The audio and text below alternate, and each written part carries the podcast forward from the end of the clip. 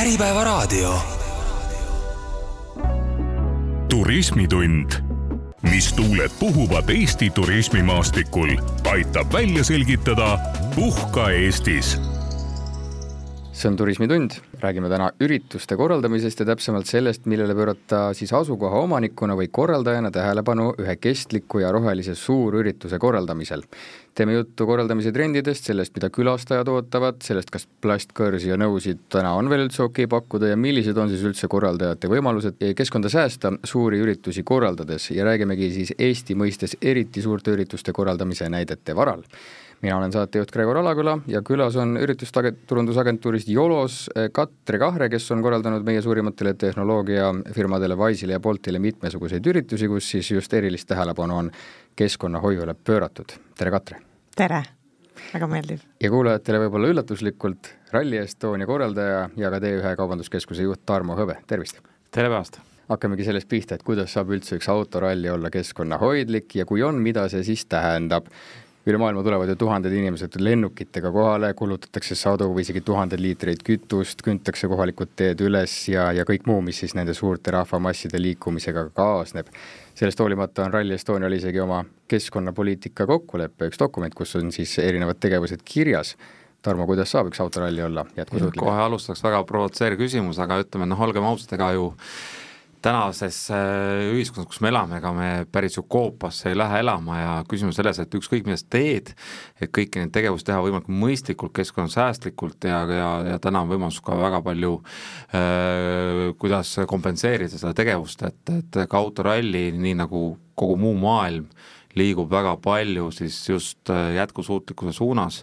et teame, et sellest aastast on meil ka siis äh, hübriidautod, mis võistlevad siis WRC klassis kõige kõrgemal tasemel nii et FIA, kes on Rahvusvaheline Autospordi Liit, WRC promootor, kõik panevad väga palju rõhku sellele. Ja noh, näiteks tuua siia kohe näide, et äh, siis Rahvusvahelise Autoliidu FIA poolt oli sellel aastal meil kohal kolm-neli inspektorit, kes siis nelja päeva jooksul hommikust õhtuni just jälgisid iga meie tegevust, oma checklist'id ja, ja selle natuke etteruttavalt, aga selle tulemusena väljastati Rally Estoniale siis FIA poolt äh, kolme tärni ehk siis kõige kõrgem sertifikaat keskkonnahoiu osas, ehk me vähemalt nende meelest teeme kõiki tegevusi nii keskkonnasäästlikult, nii jätkusuutlikult kui võimalik hübriidautod ja siis eh, rahvusvahelised standardid, eh, nii-öelda checklist ja inspektorid, mis seda kontrollivad. me tänases saates püüamegi tabada, esile tuua seda tasakaalujoont, mis jookseb siis päriselt keskkonnahoidlike tegevuste tegemise ja nende nii-öelda ülekommunikeerimise ehk rohepesu vahel. Katri, teie kui samuti suurürituste korraldaja, kas Tarmo jutt sellise keskkonnahoidliku ralli osas tundub äh, usutav kas rallit saab teha niimoodi keskkonnasäästlikult tundub küll usutav, et mis ma, ma ei hakka kahtlema Tarmo jutus nagu sissejuhatuses mainitud, Katri, olete ise ka siis eh, pikalt tegutsenud eh, suurte ürituste korraldamisega ja, ja olete ka mõõtnud siis nende keskkonna jalajälge. Ehm, kuidas siis mõõta ühe ürituse keskkonna jalajälge, mis need komponendid on? ahah, väga, väga tore küsimus, täpselt minu teema äh,. väga lihtne äh,, laias laastus võib jagada need komponendid viite kategooriasse äh,. transport, mis tavaliselt jah, moodustab üritusel kõige suurema osa, nii osalejad kui siis äh,, kui siis personalikaup äh, Äh, toitlustus, kõik toidud-joogid, äh, energiatarve, äh, kõik materjalid, mida sa toodad või ostad selle ürituse tarbeks, jäätmed, mis tavaliselt üllatusena kusjuures inimestele on see, et moodustavad tavaliselt kõige väiksem osa üldse ürituse jalajäljest. aga sellele pööratakse kõige rohkem tähelepanu. ja vesi, vee tarbimine, need on need kategooriad, mille järgi mõõdetakse hästi, no hakkame järjest minema, üks, mis esimesena ka kuulajad võib-olla on tähele pannud, käiakse rahvusvahelistel konverentsidel, kohe ukse peal küsitakse, kuidas saabusid ja kui kauaks jäid eh, transport, kuidas seda mõõdetakse, mis ühikutes ja mm -hmm võib mõne näiteks eh, case study ette võtta? jaa, näiteks eh, just väga hea viimane, viimane üritus, kus, kus me mõõtsime kogu ürituse jalajälge, oli siis see turismikonverents, mille siis EAS ellu kutsus ja tõepoolest, seal oligi nii, et inimesi ukse peal võtsid vastu, vastu personal, kes küsis, kust maakonnast te tulite, mil, mis sõiduvahendiga te tulite ja mitmekesi te siis seal sõiduvahendis olite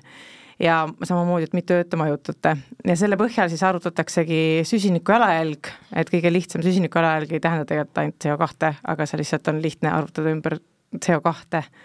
et äh, siis nii see arutataksegi, seal on rahvusvahelised äh, nagu sellised heitetegurid on igale asjale. ma liiga süvitsi ei lähe, vaevalt et see, paljud sellest aru saavad, aga ja arvutataksegi siis kilomeetrite ja sõiduvahendi põhjal välja, mitu kilogrammi CO2 inimesed siis tekitasid sellega, et nad üritusele tulid ja me saame võtta kõik väljavõtted transpordivahendite lõikes, maakondade lõikes, mille iganes lõikes. ma näen, teil on arvuti ees, konverents toimus Kuressaares, kui palju siis üle Eesti kokku tulnud inimesed seda jalajälge tekitasid?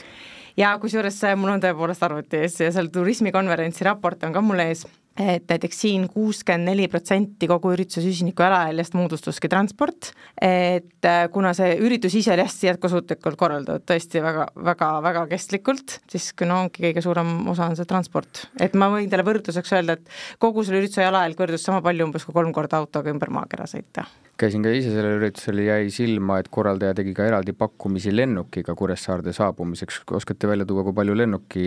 süsiniku jalajälg sellest moodustas, kui paljud inimesed tulid lennukiga? Jaa, äh, oskan küll öelda äh,. nii, oota, kohe ütlen mm. -hmm. lennukiga tuli üritusele kakskümmend üks inimest ja selle kakskümmend, kogu transpordi jalajäljest siis kakskümmend kaheksa protsenti moodustas lennuk auto, bensiiniauto oli, oli siis umbes sama palju ja diiselauto umbes sama palju. enam kui veerand siis lennukiga. hästi, aga kategooriaid siis veel, mis moodustavad selle, kuidas keskkonnajärelgi mõõdetakse, transport mainitud, oluline küsimus veel siis mainisite materjalid ehk mm -hmm. kas ajakava on trükitud paberile või on ta ekraanil, mis tarbib siis samuti elektrit, kumb on see trend parajasti tänapäeval? jaa, see on sul hea küsimus, alati seal peabki, et, et iga kord ei ole tõepoolest sul mõtet nagu ekraani kohale tassida selleks, et säästa ühe paberi või plakati trükkimist, et see ei ole mõistlik. Et äh, antud, äh, antud juhul näiteks meil materjalid äh, moodustasid üldse kogu ürituse jalajäljest null koma neli protsenti, ehk siis väga marginaalse osa, sest me tõepoolest ei printinudki praktiliselt seal midagi, me ei tootnud mingeid dekoratsioone, me ei ostnud midagi spetsiaalselt selle ürituse tarbeks, et et aga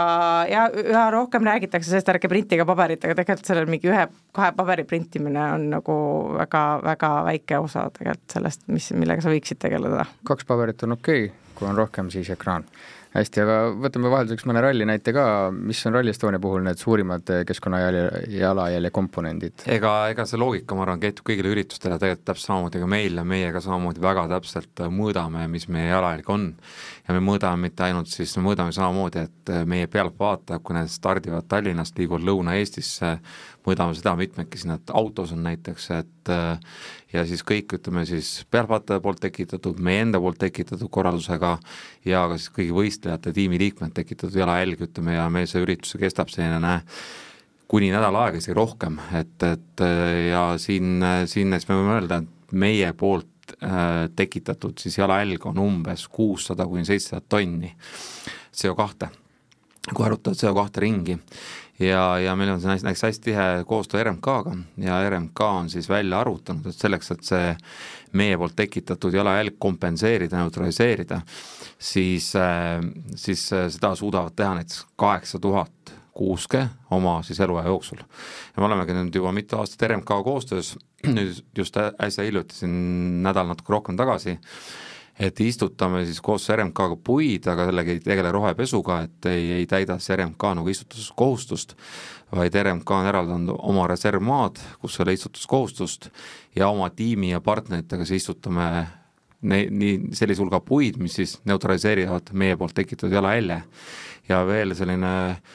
sellel aastal on, on, alustasime koostööd selline Eesti startup Quota, et kes siis samamoodi aitab neutraliseerida siis tekitatud jalajälge, aga seda läbi siis tootmisettevõtete, ehk näitaksin jällegi, et võimalikult lihtsalt seda selgitada, siis äh, tootmisettevõtte toorainena on noh, variant kasutada samamoodi, et kas siis äh, materjal taaskasutada või, või, või siis äh, kasutada materjale, mis on siis nii-öelda siis toodetud. Et taaskasutatud materjali tavaliselt on kallimad, siis kvoota eesmärk ongi see, et ta nendel tootmisettevõttel aitab kompenseerida siis selle taaskasutatud äh, materjali nagu kallimat hinnavahet, et need oleks motiveeritud siis kasutama just selliseid materjale. ja mis meie tegime, oli siis see, et kõigile inimestele, kes tulid Rally Estoniale see aasta, neil lisaks siis digiralli pääsmele oli võimalik osta siis see kvoota pass, kas siis ühe päeva või nelja päeva, oleneb, kui palju sa rallil olid, ja läbi selle siis selle kvoota passi iga inimene, iga pealtvaataja sai neutraliseerida oma jalajälje ja kusjuures see aasta oli see päris, päris aktiivne, eks me tegime sellist esimest korda alles teadvustasime ja, ja, ja sama võimalust pakkusime ka meie partneritele, et ka partner, kes meie koostööpartner, samamoodi tal läbi siis kvoota oli võimalus neutraliseerida oma tegevus. Need, neid, neid võimalusi täna nagu hästi palju ja, ja me kogu aeg vaatame nagu natuke ette ja eks, eks see, et kuni need, üldse need tegevused jõuavad selliste suurte massideni, kuni selleks saadakse aru, võtab natuke aega, aga kuskilt peab pihta hakkama, nii et meie hästi palju paneme selle rõhku. räägime veidi veel sellest jalajäljest, ehk siis ralli puhul kuussada tonni CO2, mis võrdub siis kaheksa tuhat kuusk ja see on siis ainult pealtvaatajate? ei, see on kõik kokku, pealtvaatajad, korraldusega tekitatud ja ka võistlejate ja tiimiliikmete poolt tekitatud. hästi, Katre, milline on see jalajälg näiteks mingi mitmetuhandelise pealise suveürituse puhul, nagu olete korraldanud? no see nüüd oleneb äh, sellest, et äh, kui palju inim-, hästi palju sellest, palju inimesi tuleb äh, välismaalt lennukiga kõige rohkem. et võib-olla sellepärast mul isegi Natsa, Tarmo andmed tekitavad mul natukene küsimusi lihtsalt sellepärast, et meie oleme mõõtnud, mõõtnud nagu koos lendamisega seda jalajälge isegi nagu üks koma seitse tonni et ühesõnaga need no jah, et ma arvan, et see on nagu selline vahe, aga kui sa võtad sealt ja sellest nagu moodustab siis umbes mingi kaheksakümmend viis protsenti võib moodustada transport lihtsalt see, et inimesed tulevad lennukitega. aga no sinna me ei saa väga midagi teha, et nad peavad kuidagi kohale saama. kui tullakse lennukitega, siis antakse paberkõrs hästi, äh, võtamegi edasi, komponendid veel, transpordist räägitud, äh, toitlustus, mis võimalused on toitlustuse osas äh, säästlikult käituda, majandada? Oo oh, jaa, toitlustuse osas on väga palju võimalusi. no kõige olulisem ja suurem asi tegelikult, mis teha saad, kui tahad toitlustuse jalajälge vähendada, on suurendada taimse toidu osakaalu. et hästi palju on levinud äh, see, et äh, kogu aeg räägitakse, et tarbige kohalikku toitu, mis on ka väga oluline meie nagu kohaliku majanduse seisukohast, aga me oleme ära mõõtnud äh, mm, tõepoolest seda, et, et see moodustab, see, kustkohast see toit tuleb, moodustab see toidu jalajäljest ainult paar protsenti ehk siis nagu valdav osa moodustab ikkagi sellest, kas sa sööd või jood, tähendab, kas sa sööd loomset produkti või mitte, et me just näiteks turismikonverentsil tegime selle võrdluse, kuna me pakkusime seal konverentsi osas ainult sada protsenti taimset toitu siis me tegime sellise huvitava võrdluse, et kui ma oleks sellest toidust, siis äh, äh toidust äh, osa äh,, osa pakkunud äh, kanaliha, kui pool oleks olnud kanaliha, siis oleks jalajälg üks koma kaheksa korda suurem olnud ja kui ma oleks hoopis veiseliha pakkunud, mis on kõige nagu keskkonda koormavam, oleks see jalajälg circa kümme korda suurem olnud. et see vahe on meeletu ja näiteks sealsamal konverentsil meil oli õhtune õhtusöök ka siis kui me, ja mis oli tavaline, lihakalana, nagu me tavalised õhtusöögid on inimestel, ei olnud taimne, siis see vahe äh, selle lõunasöögiga inimese kohta oli circa neli korda, et tegelikult on väga suur vahe, kui palju sa sööd loomset ja taimset toitu. eelistada loomse toidu eest taimset, kas siis avokaado on tänapäeval veel okei okay?? jaa hästi, kas ralli puhul ka toitlustus äh, mingit rolli mängib? jaa, ei absoluutselt, et äh, selle peale on ka hästi palju rõhku ja noh, ma ütlen, et siia veel täienduseks tuua mingi näide, mida meie see aasta tegime, et noh, tihti on kas või suurürituste puhul väga palju vaja külalisi vastu võtta ja mingi külaste vastuvõtud, et tavaliselt noh, tehakse sulle suures kogus catering ette.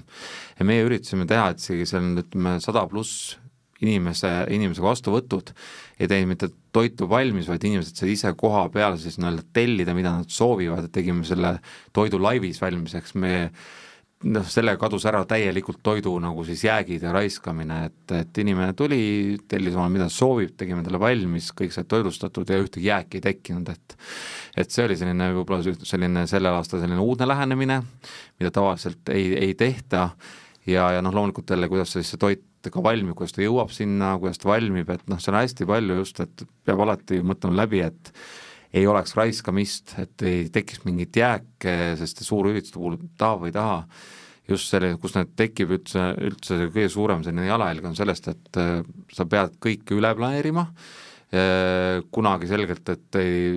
ei, ei tarbita kõike täpselt ära ja siis tekivad seal suured jäägid ja see on pigem selline kõige, kõige keskkonnakahjulikum. ja meie just pöörame selle palju tähelepanu, kuidas võimalik täpselt planeerida,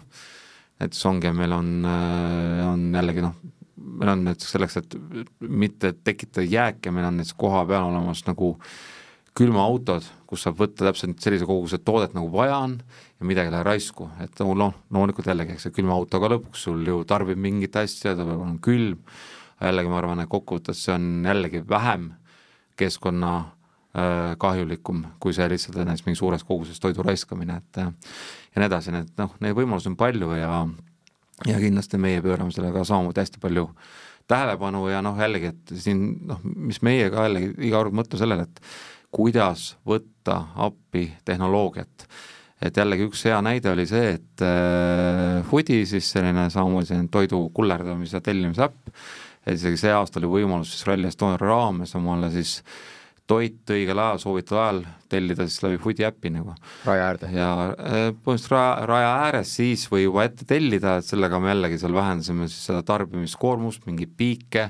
kuna midagi toodeti ja nii edasi, et, et jällegi, et, et noh, neid võimalusi on tohutult palju üks spetsiifiline küsimus veel toitlustuse kohta, mõnel kuulajal võib-olla on tekkinud küsimus, mida on okei okay pakkuda, mida mitte, ehk siis piim kohvi kõrvale, mandlipiim, kaerapiim või siis lehmapiim, mis on eetiline, mis on okei okay?? no ma, ma nüüd jah, ma ei julge öelda, mis on eetiline, ma arvan, et kõik on eetilised, aga äh, aga kui sa, kui me räägime puhtalt keskkonna vaatevinklist, siis äh, kaerapiim nendest on kõige väiksema keskkonnajalajäljega et äh, siis mandlipiim ja ilmselgelt nagu lehmapiim kõige suurem, aga, aga jah. hästi, järgmine kategooria keskkonnajalajälje mõõtmisel, energia äh,. oluline küsimus äh, näiteks siis eh, tahaks ikkagi mõne eh, Bolti või Wise'i näite ette võtta, suur üritus, eh, suvepäevad me eetriväliselt rääkisime, et ei tohi mainida. ja lihtsalt, et me, et suvepäevad on alatooniga nagu kutsutakse inimesed kokku murumänge mängima ja pidu ja pillerkaart tegema, siis tegelikult Bolti Wise'i üritustel on ikkagi laiem mõte ikkagi tööalaselt äh, korra aastas kõik kokku kutsuda ja, äh, ja sisekommunikatsiooni teha, aga tõepoolest, mul on hea näide Wise'i üritusest, mille üle ma olen väga uhke, et kuna meil oli sellel üritusel samamoodi jätkusuutlikkus hästi-hästi nagu tugevas fookusest ja meie eesmärk oligi niivõrd minimeerida keskkonnajalajälge kui võimalik, siis meie kahes asukohas, millest üks oli Unibet Arena, Äh, ja teine oli Krulli kvartal, äh, siis seal äh, meie pärast siis vahetati see elektripakett kuuks ajaks ära roheenergia paketiks sest kahjuks Eestis on veel nii, et ma ei tea mitte ühtegi kohta peale kruiisiterminali, kus oleks standardis roheenergia kasutusel. Ja siis tavaliselt ongi see, et neid kohti peab hästi veenma, sest esimene vastus on see, et aga see on ju kallis ja mm, vaevalt, et te seda tahate siis nüüd õnnestuski see, et Unibet isegi ütleski, et vau, et me uurisime hindet, et, ei olnudki nii palju kallim ja me läksimegi roheenergiale üle. Ja krulli siis läks ka kuuks ajaks ja see vähendas äh, ligi üksteist tuhat äh, kilogrammi meie CO2, noh, me arvutasime selle, kui palju me elektrit tarbisime oma terve ettevalmistuse ürituse perioodil. Äh, ja panime võrdlusesse selle sellega, kui ta oleks olnud tavaenergia et kas siit võiks et see on hästi soovit... suur äh, erinevus? siit võiks tulla soovitus asukoha äh, omanikele, kus on võimalik üritusi korraldada, et äh, roheenergia paketile üleminek muudab teid atraktiivsemaks korraldajate silmis? jaa, ma väga ootaksin, et tõesti seda ette võetakse, jaa. materjalidest rääkisime, et kui vaja printida, aga kaelakaarte ju ometi enam ei prindita või, või võiksin ma? Mingitel üritustel sa sellest ikka ei pääse kahjuks, kui on vaja network ida ja inimeste nimesid, aga tänapäeval on olemas ka lahendusi muidugi, kus sa ei pea printima, et sa saad korduvkasutada puidust alusel ja mingi markeriga peale kirjutada, aga taaskord see üks paberilipik on, ma arvan, suht väike osa sellest kogu, kõigest, kogu üriku, ürituse tervikust. kui inimesed tulevad lennukiga jah, ja, ja sellest, mis nad söövad. eelviimane kategooria, jäätmed, milliseid võimalusi siin kokkuhoiuks? Ralli puhul tuleb pärast raja ääret käia prügibrigaadiga? absoluutselt, noh, see on elementaarne, et ütleme, et äh, jällegi, et ma arvan, kõik hakkab pihta sellest, ka meie puhul, et äh, teed jällegi partnerite valik ja meie ka teed jällegi, et üks asi, et äh, esimene provokatiivne küsimune, autoralli on ju, kui, kui jätkusuutlik ja keskkonnakahjulik,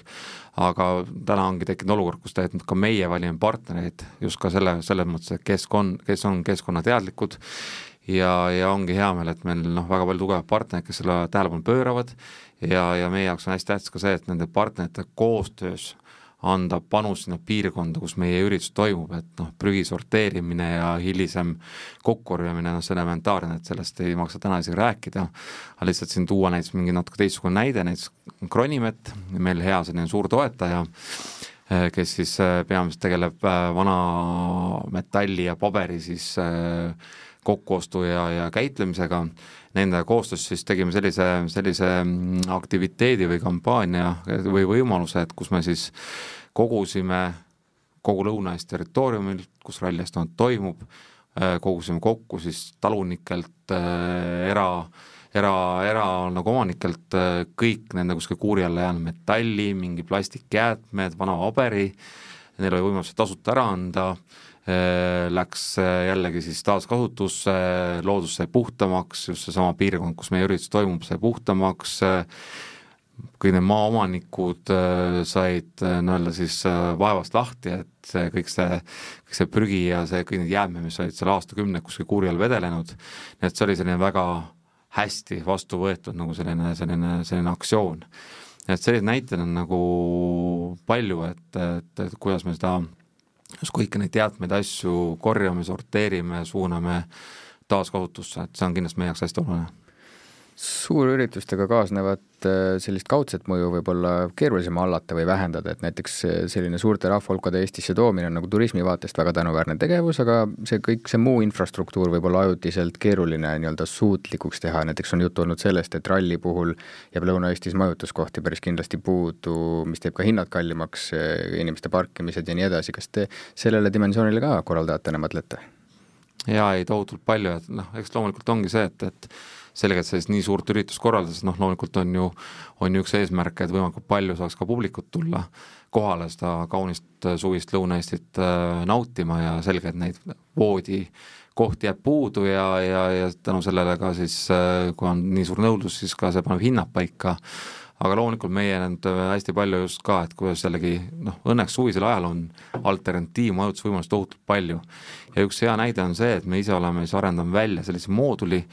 ongi selline kodu alternatiivmajutuse siis ähm, võimaluste leidmiseks, et jällegi siis kõik äh, siis Rally Estonia piirkonnas siis elavad inimesed, kellel on pakkuda näiteks, ma ei tea, kas äh, tuba, maja, majaosa, äh, telkimisvõimalus, heinaküüniskoht, saab panna selle ülesse, kõik ralli fännid, kes tulevad, saavad seal leida endale sobiliku majutuse, meie viime nad kokku, me ei võta sealt isegi vahendustasu, hoiame kokku siis see, kellel on ükskõik mis tüüpi liiki majutust pakkuda ja, ja siis ralli fänni, kes otsib seda majutust, et et, et seal ka iga aasta meil on, ütleme, selline üle neljasaja majutuskoha, kes, kes oma info sinna panema, nii et me noh, sisust nagu kahe või isegi kolmekordistame koheselt selleks ürituse ajaks nagu Lõuna-Eesti majutus sellise äh, kapatsiteedi ja noh, ütleme ka mingid sellised, mis me oleme ka mõelnud, sellised noh, ongi loomulikult näiteks telkimised, autokaravanid, klämpingud, aga ise oleme töötanud sellise versiooniga, et, et tuua selline, tuua selline suurem rong kohale, esiteks tuua juba inimesed näiteks Tallinnas viia rongiga kohale ja ongi, et siis kupeevagunitest koosnev rong, mis saab pargiks sinna siis Tartu, Elva sinna äh, rongijaama, kus, mis on sündmustele hästi lähedal ja, ja seal ongi siis ka esiteks saad suure hulga inimesi tuua korraga kohale, nad, kõik inimesed majutuvad sellisel väga kompaktsel pinnal, sa tagad neile kõigile nagu sellised terviklikult mingi pesemis- ja ja võimalused ja toitlustusvõimalused, nii et see on ka selline ka hästi jätkusuutlik selline mingi ürituse tarbimise siis nagu võimalus ja, ja meetod, et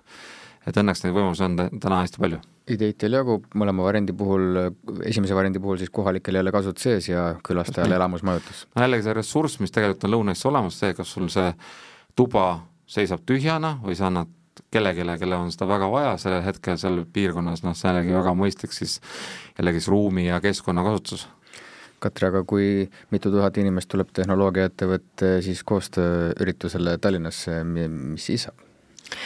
nojah, need üritused, vaata, ongi see vahe, et eks ju meie korraldame kinniseid üritusi, korporatiivüritusi, siis klientidel on kindlasti võib-olla natuke teised ootused majutusele, et meie peamegi asukohta valima selle järgi, kuhu kõik need inimesed ära majutada ja no ühel aastal me siis saime aru, et kõige suurem majutusasutus Tallinnas tegelikult on äh, Tallinki laev, kruiisilaev, kuhu me siis Bolti inimesed äh, maju, majutasime. Et, et paratamatult meie ei saa minna näiteks, me, me peame välistama Lõuna-Eesti, sellepärast et lihtsalt ei ole neid inimesi kusagile magama panna, et meil jääbki Tallinn Pärnu ja, ja põhimõtteliselt kõik. Selle poole lõpetuseks korra nimena mainisime suvepäevi, kas olete üldse suvepäevade korraldamisega tegelenud ka? Jah, olenebki nüüd, mida sa suvepäevade all mõtled, suvepäevad on natukene hääbuv nähtus tõepoolest tänapäeval. Sinna ma tahtsingi jõuda, et kas see on üldse trendikas, selline päevaks kokkutulemine, pidutsemine, nii-öelda raiskamine, et kas see formaat hakkab hääbuma juba või mitte? Äh, pigem see hääbub, et lihtsalt tulla kokku, äh, mängida tõesti murumänge ja, ja, ja õhtupidu panna. et ikkagi neid üritusi tehakse alati ikkagi vastavalt sellele, et, et kindlasti peab olema seal mingi selline äh, ametlik konverentsi formaat äh,. jah, sellega kaasas muidugi käib see, et inimesed tahavad õhtul lõõgastuda ja omavahel,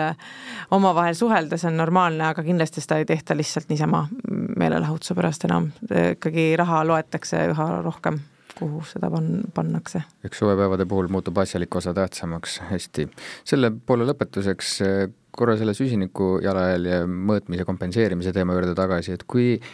eetiline see teie hinnangul on, see nii-öelda kvoodimajandus, et sa lükkad selle kellegi teise õlule, et pole minu mure, et saan tegutseda edasi nii, nagu ma olen seni teinud ja keegi teine kompenseerib selle minu eest? noh, see ei ole jällegi, ta ei ole nii üks-üheselt, et keegi teine teeb, et jällegi, et eh, noh, paratamatult äh, ühe tegevusega tekib see jalajälg ja teisel oma tegevusega võimalik seda kompenseerida, neutraliseerida, siis see, kellel tekib, ega sellel on sellega seotud ju kulud, on ju. et samamoodi, et äh, siin ennem oli näide, et äh, suurtes hoonetes või toimuskohtades rohesertifikaadi ostmine, roheenergia kasutamine, samamoodi meie, meil on üks noh, olulise selliseid äh, kesk, keskusi, kus meil on kogu ralli juhtimine toimub, on siis ERM, Eesti Rahva Muuseum, ja seda samamoodi, ma arvan, et viimased kolm või neli aastat me oleme seda rohesertifikaati juba ostnud. ja, ja, ja, ja, ja selles mõttes, et äh, jällegi meile korraldajatele tähendab seda, et me jällegi, et noh, erinevatel aastatel, et on see roheenergia erineva hinnaga, et, et on, on, on olnud ka aastaid, kus roheenergia on maksnud näiteks kaks korda rohkem kui tavaenergia. ja kui me nädal aega seal ikka päris suures mahus tarbime, siis meile ju korraldajatele on see noh, nii-öelda väga valus tegelikult. aga me saame aru, et see on meile oluline, me peame pingutama, me peame leidma selleks võimalusi ja, ja täpselt samamoodi kogu muu asjaga, et, et jällegi, et kui me, kui me kuskil midagi teeme, noh, kui me saame oma tiimi siis panusega, näiteks istutab puid, siis samamoodi see tähendab ju, et et keegi peab oma vabast ajast midagi tegema, see on samamoodi lõpuks ju aeg, raha, või, või teistpidi, kui me, kui me siis äh, aitame mõnel tootmisettevõttel nende, neil, neil võtta kasutusse siis äh, taaskasutusmaterjal nende tootmistsüklis, noh siis see jällegi meie jaoks tähendab mingit, samamoodi mingi ressurssi, mida me peame panustama selleks, et, et oma tegevust siis kompenseerida. Ja ma arvan, et kokkuvõttes on see tasakaalus ja, ja, ja ma arvan, et sellega sellises, sellisel kujul, kui sellest, sellest on päriselt kasu ja sellel on mingi tulem, siis, siis see on loomulikult väga eetiline. Mina arvan, et ka, et see on, see on hästi kirgiküttev teema alati, ma arvan, et see on okei okay siis, kui sa ise, kui sa kõigepealt minimeerid ära oma jalajälje ja siis kompenseerid, mitte jah, kui sa midagi ei tee ja siis lihtsalt maksad kusagile kvootide eest, on ju. räägime sellest, mis on küll, millised on need külastajate ootused sellistel suurüritustel ehk tänapäeva eriti keskkonnateadlike inimeste valikutest, et inimesed ju soovivad eh, enamasti käituda teadlikult, keskkonnahoidlikult, ka ettevõtted soovivad neid võimalusi pakkuda ja ühes varasemas Turismitunni saates tuli ka välja, et üheks võimaluseks on see, et siis eh, kas korraldaja või turismi puhul siis ettevõtja peab need valikud kliendi eest ise ära tegema, et pakutaksegi ainult keskkonnasäästlikke variante. kui keskkonnateadlik on rallirahvas, pealtvaatajad? Äh, ütleks, see on hästi oluline punkt ja ütleks, et järjest keskkonnateadlikum, eks selge, mida nagu suurema massiürituse on tegemist, et seda suurem on ka see sihtrühm, kelle, keda, kelle, keda sa kõnetad ja kellega sa räägid, et jällegi noh, neist väga paljud on väga keskkonnateadlikud, paljud ei ole üldse selle peale varem mõelnud, aga meie näemegi siin suurt võimalust, et jällegi läbi sellise suure massiürituse me oleme selline väga tugev kommunikatsioonikanal ja pigem me näemegi, et siit läbi Rally Estonia, läbi meie tegevuste meil on võimalik panna ka meie siis tarbijad ehk pealtvaatajad teistmoodi mõtlema üldse. ja, ja, ja kuni selle välja näiteks noh, mida meie nagu pealtvaatajate puhul, kus me hakkame pihta, näiteks me, me motiveerime ja kommunikeerime oma pealtvaatajatele esiteks, et et võimalusel koonda sõbrad, tulge näiteks, et ärge sõitke nii, et üks-kaks inimest autost Tallinnast Tartusse, vaid, vaid võtke sõbrad kokku, pange auto maksimaalselt täis ja, ja tulge nelja-viiekesi autos siis samamoodi kui sõpruskonnas on näiteks hübriid või elektriauto, tulge sellega. et, et jällegi, kui neid autosid on ikkagi sadu, siis kokkuvõttes see annab nagu väga suure efekti ja me ise omalt poolt näiteks motiveerime ka siis hübriidelektri või ka ütleme noh, vesinikautost täna veel liiga palju ei ole, aga, aga põhimõtteliselt nagu, et keskkonnasäästliku autoga Rally Estonia tulekut läbi selle, et, parkimine on tasuta, kui muidu on tasuline, siis, siis on parkimine tasuta. Äh, see on üks motivaator, samamoodi näiteks me ise oleme nüüd ka siis pakkunud võimalusi, soodustanud elektriauto tulemist, et jällegi siis koostööpartner Elepordiga see aasta pak-, pakkusime erinevates kohtades võimalust elektriautosid laadida, noh jällegi väga tore küll, et tuled elektriautoga, aga kui sul laadimise võimalust ei ole, noh siis oled sa kuskil tee ääres. me ise pakkusime võimalust, et jällegi sai elektriautosi jällegi see, see aasta täitsa tasuta meie poolt siis äh, laadida, et, et jällegi motiveerida seda nii et nagu neid tegevusi, mida nagu siis pealtvaatajale ka suunata ja panna mõtlema ja, ja ma arvan, et hästi tähtis ongi see, et üks asi, et äh, see pealtvaataja tuleb, mm, ta saab aru, et me teeme väga palju selleks, et keskkonna hoida, keskkonna, keskkonna hoida, aga jällegi veel tähtsam on see, et, et nende pealtvaatajate mõttemaailmas toimuks mingi muutus, et ta läheks siis ka koju, järgmine kuskile teisele üritusele minnes ta juba teab, ahah, näed, et siin on mõistlik on minna nagu, panna rohkem ise autosse, kasutada mingi ühistransporti, mingi muid liikumisviise ja igapäevaselt oma igapäevaelus, et ta hakkaks siis panema tähele ja tegema mingeid muutusi, mis siis võib-olla on temast kutsutud esile või inspireeritud läbi mõne suurürituse, kus seda tehti. et see on, ma arvan, et hästi suur võti ja, ja väärtus millest algab see keskkonnahoidlik korraldamine üldse, kas ürituse tellijast, et Katre teilt näiteks Bolti esindaja nõuab, et osaleja jalajälg ei tohi olla suurem kui mingi number või siis võtabki korraldaja ehk teie ise nii-öelda selle oma nišiks, et meie korraldamegi ainult säästlikult mm? -hmm no äh, kuna meie oleme nüüd äh, kaks aastat äh, tõesti järjepanu selle teemaga hästi süvitsi tegelenud ja meil on oma, omalt eesmärgid, kui palju me tahame, et meie üritustest oleksid siis väga nagu kestlikult korraldatud, siis, siis see käib tegelikult praegu mõlemat pidi, et me ise igale kliendile üritame justkui tegelikult müüa seda, et, et nende üritus oleks kestlikult korraldatud. paratamatult tänapäeval see mingi, ikkagi tähendab mingil määral kallimat hinda ja kõik ei osta seda ära. ehk roheliselt korraldamine on kallim? Jah, täna veel on, aga ma näen, et järjest, kui, kui see, see see koostööring järjest areneb, et nii kui neid teenuseid järjest juurde tuleb, siis nad lähevad ka odavamaks, eks ju ja aga samas on meil ka tõesti selliseid, selliseid kliente, noh, ma toon tõesti hea näite EAS, kellel, kuna neil on endal juba see hästi tugevalt see jätkusuutlikkus fookuses, siis nendele on nagu rõõm teha neid üritusi, sa tead, et neil on A ja O, kõik need peavad nagu olema maksimaalse jätkusuutlikkusega. Ja meil enda majas oleme nagu töötanud välja kaks taset, üks on nagu selline miinimumnõuded, mida me igal üritusel ise täidame nagunii, nii või naa, isegi vahet kas see klient tahab või ei taha. Mm, ja, ja siis teised, mille eest siis klient juurde nagu maksab. noh, meie näiteks miinimumid on a la noh, tõepoolest, et praegu on ju see, et avalikel üritustel sa ei tohi enam kasutada ühekordseid nõusid, aga meie juba ammu ei kasuta ka oma eraüritusel mitte ühelgi, ka mitte tagalas, kus äh, personal sööb, eks ju. Äh, või siis äh, noh, jäätmete sorteerimine kahjuks veel aasta aega tagasi, see on standardhügieen kõikidel, ma pidin isegi veel mõnda catering'i õpetama, kuidas õige on jäätmeid sorteerida et äh, ja kõik sellised materjalide eelistused, näiteks me ei tooda midagi PVC peale, mis on kõige mürgisem materjal, mille peale tegelikult varem kõik asjad sest see on odav ja kiire et mingid noh, seal on hästi palju selliseid nõudeid ja me üritame näiteks ka seda teha, et kuuskümmend protsenti menüüst oleks taimne. et aga noh, lõpuks on see, et ikkagi lõpuks klient otsustab, eks ju. E, seda, mitte ta ei otsusta meil seda nõude asja, aga noh, toidu asjas ma ei saa teda nagu sundida sööma mingit toitu, mis ta teha, et see on küll selline asi, mis, mille osas klient peab nagu nõus olema kahe tuhande kahekümne neljandal aastal peaks peagi jõustuma roheväidete direktiiv, ehk et kui ettevõtja või ürituse korraldaja väidab, et midagi on roheline, keskkonnasäästlik, kestlik, siis tuleb paberiga seda tõestada. toob see teile mingeid kohustusi või hoopis võimalusi juurde? valmistute selleks kuidagi? väga huvitav, mina ei teadnudki seda ausalt öeldes hästi pean tunnistama, mina ka veel ei ole kursis, et aga, aga on ka noh, ütleme meie tiimis näiteks on,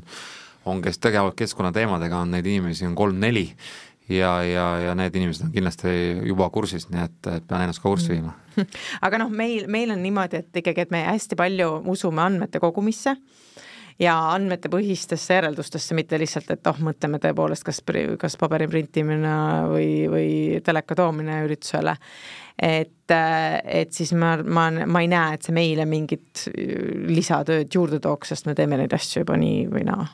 Räägimegi kommunikatsioonist ja turundamisest, nagu ennist lubatud, praegusel ajal on vähemalt mulle küll hästi palju silma jäänud, et ettevõtted, erinevad korraldajad, isegi riigiasutused tahavad kõik väga silmapaistvalt kommunikeerida, kui nad midagi roheliselt või säästlikult teevad ja selles kommunikatsioonis võib peituda üks oht väga lihtsasti üle mängida seda kaarti, ehk teha sellist ilmselget rohepesu ja teadlikumad inimesed hammustavad selle üsna kiiresti läbi ja võib siis anda hoopis vastupidise efekti sellele soovitule. kus teie hinnangul on see rohepesu piir, mida te peate rohepesuks ja kus see hea maitse piir on? kusjuures ma, mina, ma tahakski siinkohal öelda, et ma olen kuulnud mitmeid suurettevõtteid ütlemas just seda, et nad ei julge rääkida eh, enda tegevustest täpselt sellepärast, et nad saavad külge võib-olla sildi rohepesu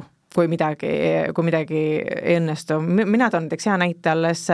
kolm aastat tagasi me tegime üritusi kasutades biolagunevaid nõusid ja me tõesti südamest arvasime, et see on kõige parim lahendus keskkonnale, sest nad on ju biolagunevad, aga me te-, meil lihtsalt ei olnud teadmist, et tegelikult Eestis biolagunevad nõud ei lagune kusagil ära. et noh, kui ma täna nagu väidan, et jah, me oleme hästi kestlik üritusi korraldav agentuur, aga kasutaksin biolagunevaid nõusid, siis see oleks rohepesu, aga, aga kui sa nagu tol ajal see kuidagi teadmine ei olnud veel jõudnud. et selles mõttes äh, et ma, mina näiteks tavaliselt alati julgustan inimesi just rääkima ja tõesti rohkem kommunikeerima, sest see inspireerib inimesi, inspireerib teisi ürituste korraldajaid, allhankeid, kes teenuseid pakuvad, selle asemel, et karta, et issand jumal, äkki sa eksisid nüüd millegagi ja saad rohepesusildi külge. ehk pigem rohkem. just, aga see, see on see oht ja meie mm -hmm. ka mhm. näiteks tegime, ütleme üks-kaks aastat tegime tegevusi juba niimoodi, et me kuskil ei kommunikeerinud täpselt samamoodi, me tahtsime ise läbi proovida, läbi testida, mis töötab, mis ei tööta, teha järeldusi, analüüsida ja just seesama asi, et, et mitte, et kommunikatsioon käib ees ja me tahaks kõike teha, vaid me kõigepealt tegime. Ja siis, aga noh, see kommunikatsioon on paratamatu, sa pead oma partneritele andma teada, teada, pead selle oma tarbijale andma teada, nii et, et jällegi tasakaalukalt kommunikeerida on oluline. Ja noh, näiteks meil on ka ürituse ajal on päris suur selline äh, rühm rohevabatahtlikke, kes ongi ürituse ajal liiguvad ja selgitavad meil pealtvaatajatele, just eriti nagu noorematele, aga lastele, et miks midagi nii tehakse või miks oleks hea nii teha, kes siis omakorda räägivad oma vanematele ja ja, ja, ja samamoodi ka siis äh, ütleme, ürituse raames äh, läbi erinevate kanalite ka kommunikeerime selliseid keskkonna siis äh, hoiusõnumeid, et, et inimesed mõtleksid selle peale, teeksid muutusi oma tarbimises, nii et et see on kindlasti hästi oluline, aga, aga see kommunikatsioon ja kõik peab käima tasakaalus ehk kõik, mis Rally Estonia puhul täna seal rohekokkuleppes on, siis on läbi testitud ja töötavad lahendused? jaa, pigem küll, et me ka kindlasti ei taha midagi teha lihtsalt selles, sellepärast, et paista rohelised või et seda kommunikeerida, vaid ikkagi teha asju äh, oma, sellepärast et sellelt päriselt on mingit kasu ja, ja tihti me oleme isegi, kui me lõpuni ei tea, me oleme isegi vahest isegi oleme konsulteerinud mingite doktoritega ja läinud väga detailseks, et aru saada, kas sellest tegevust päriselt on kasu ja kui ikkagi jääb õhku võimalus, et see tegelikult on see mitut pidi nagu mõõdetav ja mõistetav, siis me pigem ei tee seda. teeme neid, neid tegevusi, mis, mis päriselt on äh, Äh, vähendavad meie jalajälge, on, on äh, keskkonna nagu siis äh, hoidu soosivad, mitte, mitte siis sellepärast, et, et, et võiks teha või, või saaks teha, teadmata, mis on selle tulem soovitus on ise läbi testida, vaadata, mis töötab, aga soovitustega võikski jätkata teistele siis nii-öelda turismitaludele, korraldajatele, asukoha omanikele, et millised on kestliku korraldamise mingid soovitused, millest alustada, mis on head need toimivad lahendused, mis just mainitud noh, mina saan jälle Rally Estonia näite puhul tuua jällegi hästi mastaapne suur üritus ja, ja noh, ma jällegi võib-olla isegi millest oleks pidanud hakkama pihta, on see tegelikult jällegi, et et kui me räägime ürituse korraldamisest, siis jälle selle mõttemaailma muutus kõigepealt oma tiimis. et su kõik tiimiliikmed saavad aru, et miks sa midagi teed ja mis on selle tulem, et see on ka hästi tähtis nagu, et, et sealt hakkab kogu see asi pihta, et kas on rohepesu või ei ole rohepesu. ja siis kogu selle organisatsiooni nagu juhtimine ja selle juhtimise nagu äh, maksimaalne efektiivsus, et ähm, noh, näiteks ja kõikvõimalikud nagu tööriistad, et äh, mismoodi mingit protsessi juhitakse, siis jällegi Rally Estonia näite puhul, et ähm, kuna üritus toimub suurel, väga suurel territooriumil, neli tuhat ruutkilomeetrit umbes, kus see toimub. ja, ja tegemist on kiiruskatsetega, mida siis, siis on eelnevalt vaja nagu siis, vähemalt varasemalt oli vaja väga palju kordi läbi sõita tavaliselt suure tiimiga, nii et jällegi, kui nüüd kümme või kakskümmend inimest siis rallile eelnevalt äh, sõidavad seda nagu siis korduvalt läbi, noh see on jällegi tohutu jalajälg, mis tekib. ja mis me nüüd oma tiimiga tegime, me töötasime välja sellise, ise arendasin välja sellise nii-öelda siis suurürituse või ralli korraldusplatvormi, mille nimeks panime Eventos ja sisust on see, et me saame kontoris laua taga kogu selle ralli ära planeerida ülitäpselt, ehk kõik kiiruskatsed panna paika, ära planeerida kõik elus eluta objektid, kõik inimesed, kõik märgid, aiad, viidad, mida iganes. et ilma, me peaksime üldse metsa sõitma, ehk me tohutult äh, vähendasime oma tiimi siis äh, liikumist Lõuna-Eestisse tagasi. ja, ja mis, äh, mis efekti see veel annab, et jällegi läbi sellise süsteemi juba planeerides, rallit korraldades me saime ülitäpselt teada, kui palju meil on mingi vahendeid vaja, sealt süsteemist tuleb nagu meetri täpsusega välja, meil on vaja seal viiskümmend kolm kilomeetrit turvalinti, kakskümmend kaheksa kilomeetrit metallaeda, kolm tuhat viissada mingi keeluala silti, et, et noh, varasemalt on niimoodi, et täpselt teadnud, noh, igaks juhuks tootsid viis tuhat, noh, tegelikult läks vaja kolm tuhat, on ju, sa ei teadnud täpselt, palju sul vaja on aga läbi sellist, sellist tarkvaraprogrammi äh, kasutades me saame ülitäpselt kõik ära, ära planeerida, kellaajalised laohaldused, kust kuhu midagi liigub, kui kuskilt midagi liigub, et ta ei liiguks siis nii-öelda üks kast jällegi kuskil suures autos, vaid, vaid me paneme selle auto täis. nii et, et see loob väga palju võimalusi ressursside nagu siis võimalikult täpselt, täpseks juhtimiseks, et see annab ka tegelikult lõppkokkuvõttes nagu tohutu efekti üheksa korda mõõda, mõtle, kas on vaja kohale minna ja kasuta ära tehnoloogiat. mul on ka kaks soovitust. aga palun äh,. väga lihtne, kui sa ütlesid, et, et a la turismitaludele ja kohalikele näiteks e-, ettevõtjatele, et äh, kuidas vähendada tõesti enda sellest transpordist tulenevat jalajälge, palun hakake oma diiselautodes kasutama taastuv toorainest tehtud diislit,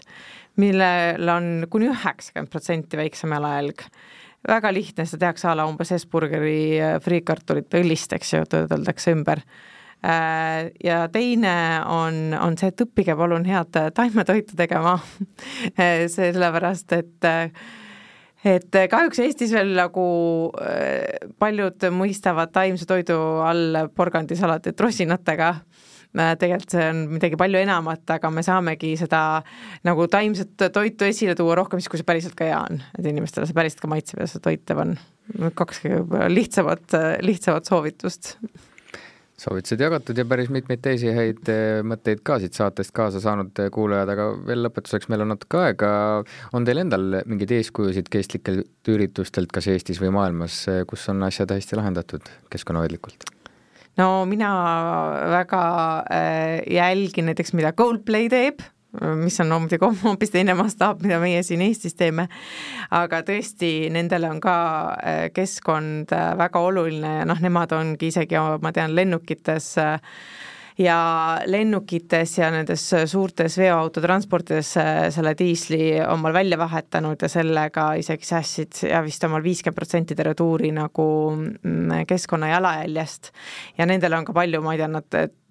geneetilised tantsuplatsid, mis seda geneetilist energiat koguvad ja teevad nagu väga vingeid asju ja katsetusi, et võib-olla need võiks välja tuua just, ega neid, mis ongi, ma arvan, üleüldiselt Eestis me oleme ikkagi väga kiiresti, väga kaugele selles osas arenenud ja ma arvan, näiteks korduvkasutatud nõud, mis aasta tagasi tundus veel suhteliselt utoopia, mismoodi see tööle hakkab, siis ütleme, see aasta siin suured üritused siin samamoodi Lauluväljakul kas või tantsu-laulupidu ja nii edasi, et, et jällegi, et ikkagi see pilt, mis avanes veel ütleme aasta või kaks tagasi Lauluväljakul peale suurüritust ja mis avaneb nüüd, et see on ikkagi totaalne muutus nagu, et et jällegi selline korduvkasutusnõud, kogu see pandisüsteem, et ülikiiresti on vastu võetud väga hästi toimib, nii et ma täna ei kujuta ette, me nagu üldse sellest nagu võiks, võiks tagasi mm -hmm. minna see, kus me olime, et et noh, ma arvan, et Eesti ongi sellest nagu sellise väikse riigina ja sellise innovaatilise rahvana me oleme selline hea laboratoorium, et kus, kus testidagi töötada välja mingi lahenduse, pigem ma arvan, et siin muul maailmal on väga palju, palju meilt õppida ja noh, meie ka alati nagu just vaatame, mõtleme kogu aeg nagu mingit, vaatame nagu noh, tulevikku, et, et mis saab kaks tuhat kakskümmend viis, mis saab kaks tuhat kolmkümmend, noh. et siis me ka siin teist korras oleme teinud näiteks, et äh, üks selline legendaarsemalt pealtvaatamisalasid meil on Leigol, ehk siis Leigo talu järvede ääres, mis on noh, looduslikult ma arvan, üks Eesti kauneim kohti ja no me juba ise sinna lähme, siis me juba tahad kõiki tegevusi teha seal võimalikult seda keskkonnasäästvalt. ja me oleme samamoodi teinud näiteks seal nüüd juba mitu aastat, kus siis, kus siis kogu, kogu elekter, mis me seal vajame, me tarbime ainult siis äh, taastuvenergiat, ehk siin jällegi ühe Eesti ettevõtte Solarstoniga koostöös äh, kasutame siis äh, läbi päikesepaneelide toetud energiat ja, ja saab ka täiesti, on see võimalik, et samamoodi piltlikult sõidad elektriautoga Leigole, paned selle elektriauto siis äh, varju alla parkima, mille katusel on päikesepaneelid, samal ajal kui sa ise naudid siis ühte spordivõistluse auto laeb äh,, tarbib kõik, toit valmistatakse, kõik helitehnika tarbib äh, taastuvenergiat ja nii edasi, nii et, et noh, neid võimalusi on palju, eks selge, et mingi, mingeid asju sa täna hakkad nagu testima, et sa ei saa seda massiliselt võtta kasutusele, aga tähtis on kogu aeg nagu noh, juba testida, proovida, mõelda, mis saab siis viie-kümne aasta pärast, jällegi sama see, ma rõhutaksin seda mõttemaailma muutust, et jällegi kõik suured asjad hakkavad väikestest sammudest pihta, et, et, et jällegi lõpuks seal